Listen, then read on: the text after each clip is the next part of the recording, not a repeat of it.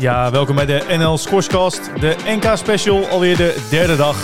Met vaste tafelgasten Tom Lucas en Rogier van Veen. Ja, welkom aan uh, alle luisteraars bij alweer uh, de derde nabeschouwing van het uh, Nederlands kampioenschap squash. En naast Rogier van Veen zit Sander van der Brakel. Ja, toch eigenlijk ook wel de grondlegger van het streamteam. We hebben de afgelopen twee dagen Daniel Lagerwaard en Priscilla Roos in, in de studio gehad. En daar gaan we eigenlijk steeds een, steeds een stapje verder. Dus welkom Sander. Dank je, dank je. Ja, inmiddels uh, al een aantal uh, edities uh, vaste waarde. En het wordt ook ieder jaar denk ik een stukje... Een stukje hoeveel waren het er toen nu eigenlijk? Ja, dat is, ik denk dat dit de vierde, editie is. dacht ik ook. Ja. En nu al Inclusief de corona-versies, of was er geen NK toen?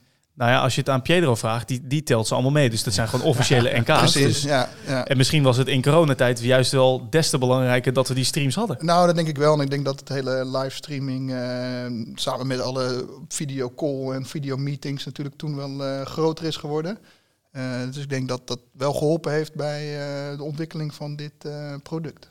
Ja, want het is denk ik niet eenvoudig om scores goed in beeld te brengen. En ik denk echt wel, als je kijkt naar de streams die we de afgelopen nou, vier jaar dan hebben, waarin we volgens mij ook wel ontwikkeld hebben, dat het er echt, echt goed uitziet. Wat is dan de, groot, de grootste uitdaging die je bent tegengekomen?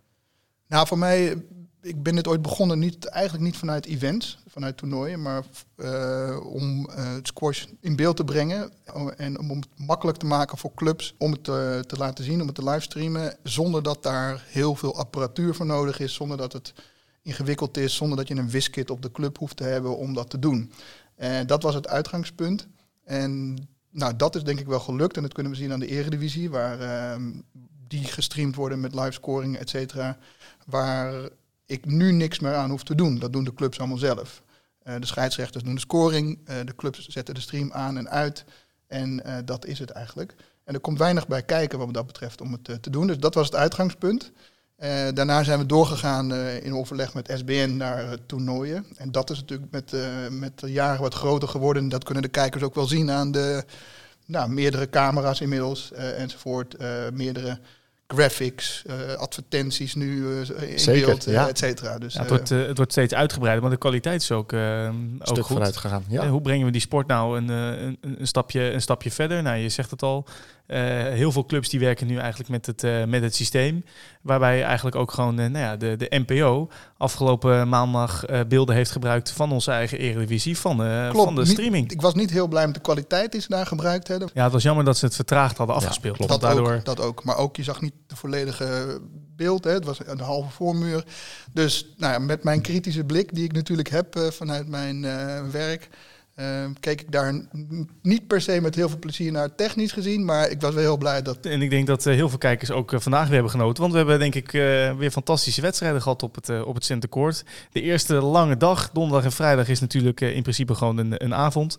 Maar ja, vandaag was het al vroeg uit de veren, want om half elf begon het al. En hebben we ook wat, wat kwartfinales van de heren 4-6 volgens mij ja, ook. Ja. En de heren 3-2 op het, op het gezien. En afgesloten met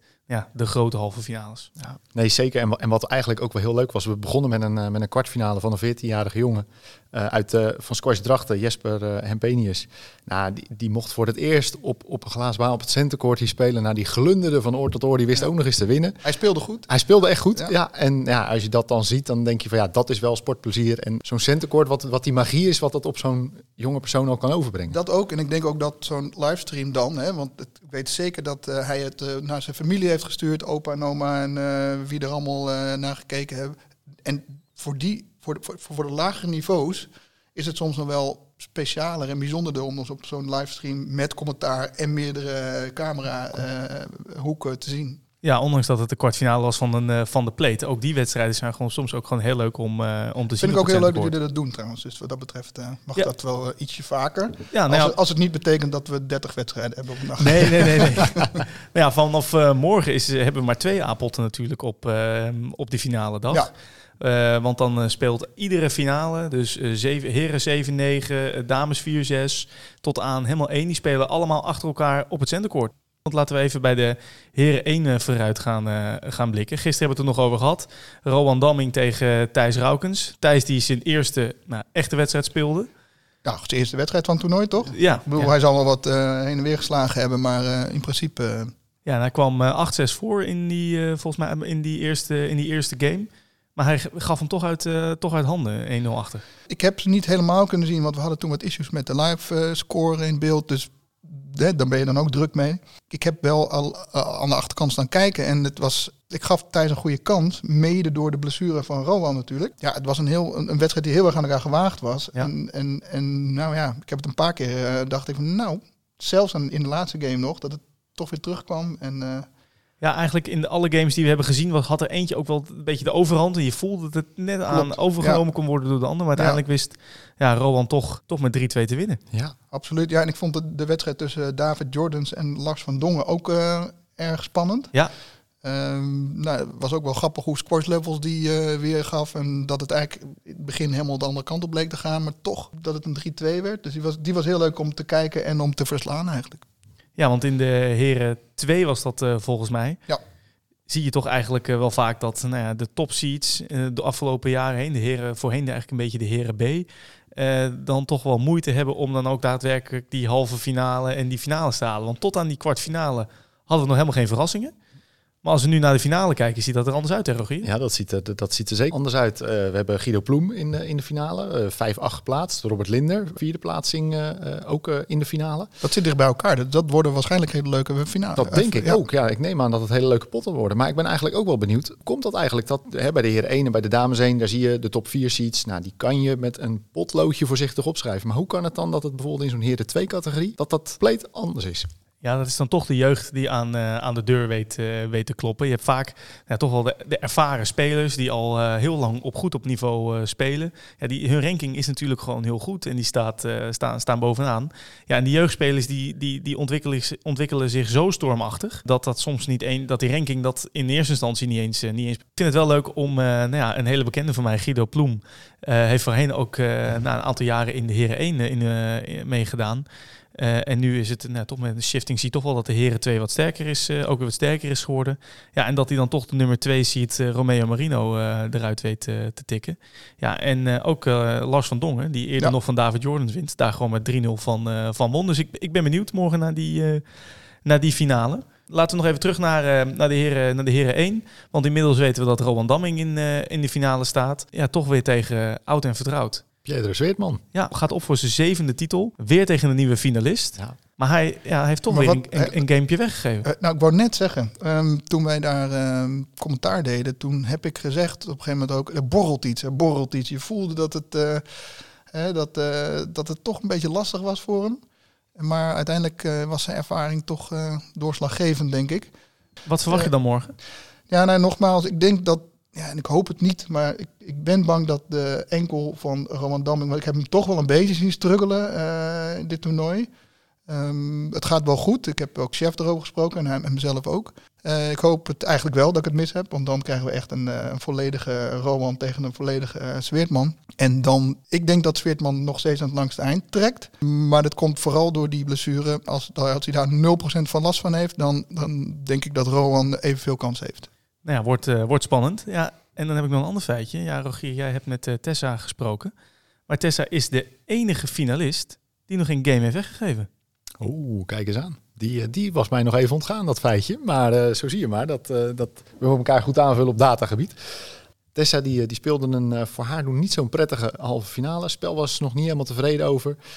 Maar wel heel blij dat ze weer in die finale staat. Ja, en dan mag ze op tegen Fleur Maas. Allebei één titel.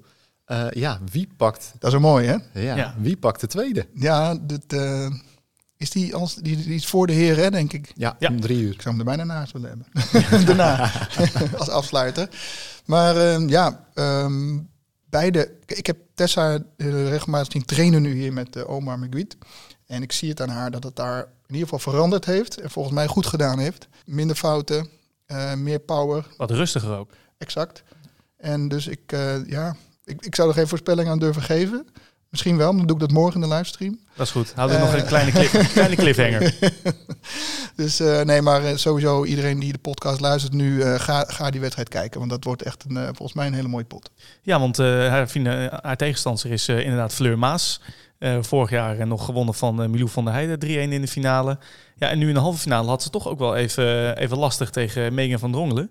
Tot 1-1 ging dat wel eigenlijk best wel gelijk op. Maar uiteindelijk ja, is toch Fleur die dan aan het, aan het langste eind trekt. Ja. ja. Nou ja, dan gaan we nog even kijken ook naar uh, wat andere categorieën. Want ik denk dat uh, dames 3, dat is een beetje een bijzondere, een bijzondere pool, Rogier. Ja, nou je zegt het al, het is een pool. Het is geen afvalschema. Um, maar het is wel een pool waar, waar het nog alle kanten op kan. We hebben vandaag een dag gehad waar eigenlijk de top zich weer een beetje heeft hersteld. Die de Rennes won uh, twee potten. Waaronder van Millie Verburg. Maar had daar wel vijf games voor nodig met een super tiebreak in de vijfde met 14-16. Dus dat was wel echt een pot waar nou, ook weer heel veel mensen rondom de baan uh, nou vol enthousiasme naar keken. Zeudi Mazotta won haar uh, wedstrijd. Maar wat daar misschien ook wel leuk is om te vermelden... is dat de als vierde geplaatste uh, Bodine, Brakenhof... Ja, als die morgen weet te winnen en Zeu die verliest, ja, dan zou het zomaar eens kunnen zijn dat Bodine nog met de Nederlandse titel aan de haal gaat. Dus alles kan nog gebeuren. Alles dus, kan nog gebeuren. Ja, en dat is wel super gaaf dat dat op de laatste dag nog uh, beslist moet gaan worden. Ja, ergens wil je gewoon zo'n beslissende wedstrijd waar al, alles om gaat. Maar ja, in een, in een pool waar, waar je met zoveel dames zit, maakt het ook wel weer spannend. Ja, zeker. Ja, en uh, het is, staat niet officieel in, uh, in de awardlist. Dus we, we kennen geen Fair Play Award. Maar we hebben wel wat bijzonders meegemaakt volgens mij. Ja, klopt. We hadden een, eh, een wedstrijd, een beetje richting het einde van de dag. Uh, dat ging tussen Eddie Heijblom en, uh, en Rick Voogd. in de heren 4-6, daar stond een scheidsrechter op die eigenlijk nog nooit had gereft in een eerder stadium. Maar uiteindelijk, Rick Voogd, die kreeg een aantal strokes toegewezen. En zelfs meer dan vijf, wat ik, wat ik begreep. Ja, en die zei allemaal, nee, het, is een, het is een letje of het is anders. En die gaf eigenlijk zijn punten terug. Had het helemaal niet hoeven doen. Uh, maar Eddie die vond dat zo fantastisch dat, hij, uh, dat, dat Rick Voogd dat deed. Uh, dus die zei eigenlijk van ja, als er een award is voor de Fair Play Player van de dag, dan, dan wil ik hem aan hem geven. Dus eigenlijk ook langs deze weg. Goed om te benoemen, denk ik. Nou, dat denk ik ook. Ik denk dat sportiviteit, ondanks dat het een nationaal kampioenschap altijd moet prevaleren en, en bij iedereen hoog in het vaandel moet staan. Dus mooi om te zien dat dat ook gebeurt. Dat noemen we glansrijk winnen, Rogier. Kijk, mooie teksten, mooie teksten. Nee, uh, uh, absoluut. Ja, je ziet ook wel dat er relatief weinig upsets zijn in het, uh, in het toernooi. En aan de andere kant zie je ook wel weer dat er veel meer vijf games en veel meer vier games worden gespeeld. Ja, ja, als je bijvoorbeeld naar alleen al vandaag kijkt, dan, dan zijn een zesde van alle wedstrijden die vandaag speelt. Dus er waren allemaal vijf games voor nodig om een beslissing te maken. Ja, en natuurlijk maken upsets het leuk en, en, en, iedereen kijkt daarnaar. Maar als ik puur even naar mezelf kijk en, en met squash levels aan de gang ben gegaan, ja, dan ben ik heel blij dat het zo spannend bij elkaar ligt en, en dat de plaatsing eigenlijk wel klopt. Want dan betekent het indirect dat squash levels ook uh, dicht bij de, bij de waarheid zit. Dus dat, dat doet het voor mij heel goed. Maar ik kan heel goed snappen dat mensen toch altijd wel op het, net even wat meer naar het puntje van de stoel schuiven als er een, eh, een upset in de lucht hangt. Ja, en met die meerdere vijf games wordt het eerder in het toernooi spannend. Dus uh, moet, je, moet je meer battelen. Ja, dat gaan, we maand, dat gaan de meeste deelnemers maandag ook voelen, denk ik, als we weer aan het werk gaan. Nou, misschien niet alleen maandag. Ik bedoel, als je dat in de voorrondes al hebt, dan wordt het fysieke deel van je vorm wordt natuurlijk belangrijker. Uh, als jij makkelijk door de eerste rondes komt met drie nullen, in plaats van uh, dat je twee keer 3-2 of 3-1, 3-2 moet spelen, dan denk ik dat dat, ja, dat kan uitmaken natuurlijk in de finale dag. Absoluut. Absoluut. Nou ja. Nou ja, morgen nog 65 wedstrijden en dan uh, zit het NK 2023 erop. We hebben een hele dag vol met, uh, met finales. Iedereen speelt zijn, uh, zijn laatste wedstrijd. Dus hoeft er niet meer twee keer te spelen zoals uh, vandaag. We beginnen om half tien met de finale tussen de heren 7-9. Met Ben van Ruizenvold en Mark Bracher. Dan de finale dames 4-6. Gelijk erachteraan. Sylvia van der Laan tegen Gineke Barels. Dan de finale heren 4-6. Arjan Versteeg tegen Rob Konijn. De dames 3 is dan niet echt een finale, maar ja, laatste poolwedstrijd. Ja. Want de nummers 1 en 2 geplaatst staan uh, op het uh, centercourt. Diederenes en Zeudi Mazotta. Uh, dan de finale Heren 3 met reuzendoder Ben Jansens. Want ja, hij heeft onze oud-collega Willem van Meerkijk in de eerste ronde eruit gekegeld. Ja. Maar hij heeft wel de finale gehaald en hij neemt het op tegen Godfried Danjumira. Dan de finale dames 2, Mireille Barkmeijer tegen Fenne Wijman. De finale Heren 2, nou we hebben het erover gehad. Robert Linder tegen Guido Ploem. Ja, en dan, gaat het, dan gaan de hoofdnummers beginnen. Mooie dag voor de boeg. Zeker. Dat denk ik ook. Dan denk ik dat het tijd is om uh, mooi af te gaan ronde. Sander, ik ga jou uh, danken voor vandaag en heel veel succes wensen morgen. Ja, graag gedaan. Hetzelfde aan jullie natuurlijk, want jullie hebben ook een uh, grote rol natuurlijk overdag tijdens het schema en tijdens de, de wedstrijden. Dus jullie ook succes morgen op de laatste dag. We gaan er wat moois van maken. Dank Rogier. En dank aan alle luisteraars voor het luisteren naar de NL Scorescast. Toegang is gratis in het Van Zotte Stadion, dus kom alle kijken. En dan zien we jullie morgen. Dank jullie wel.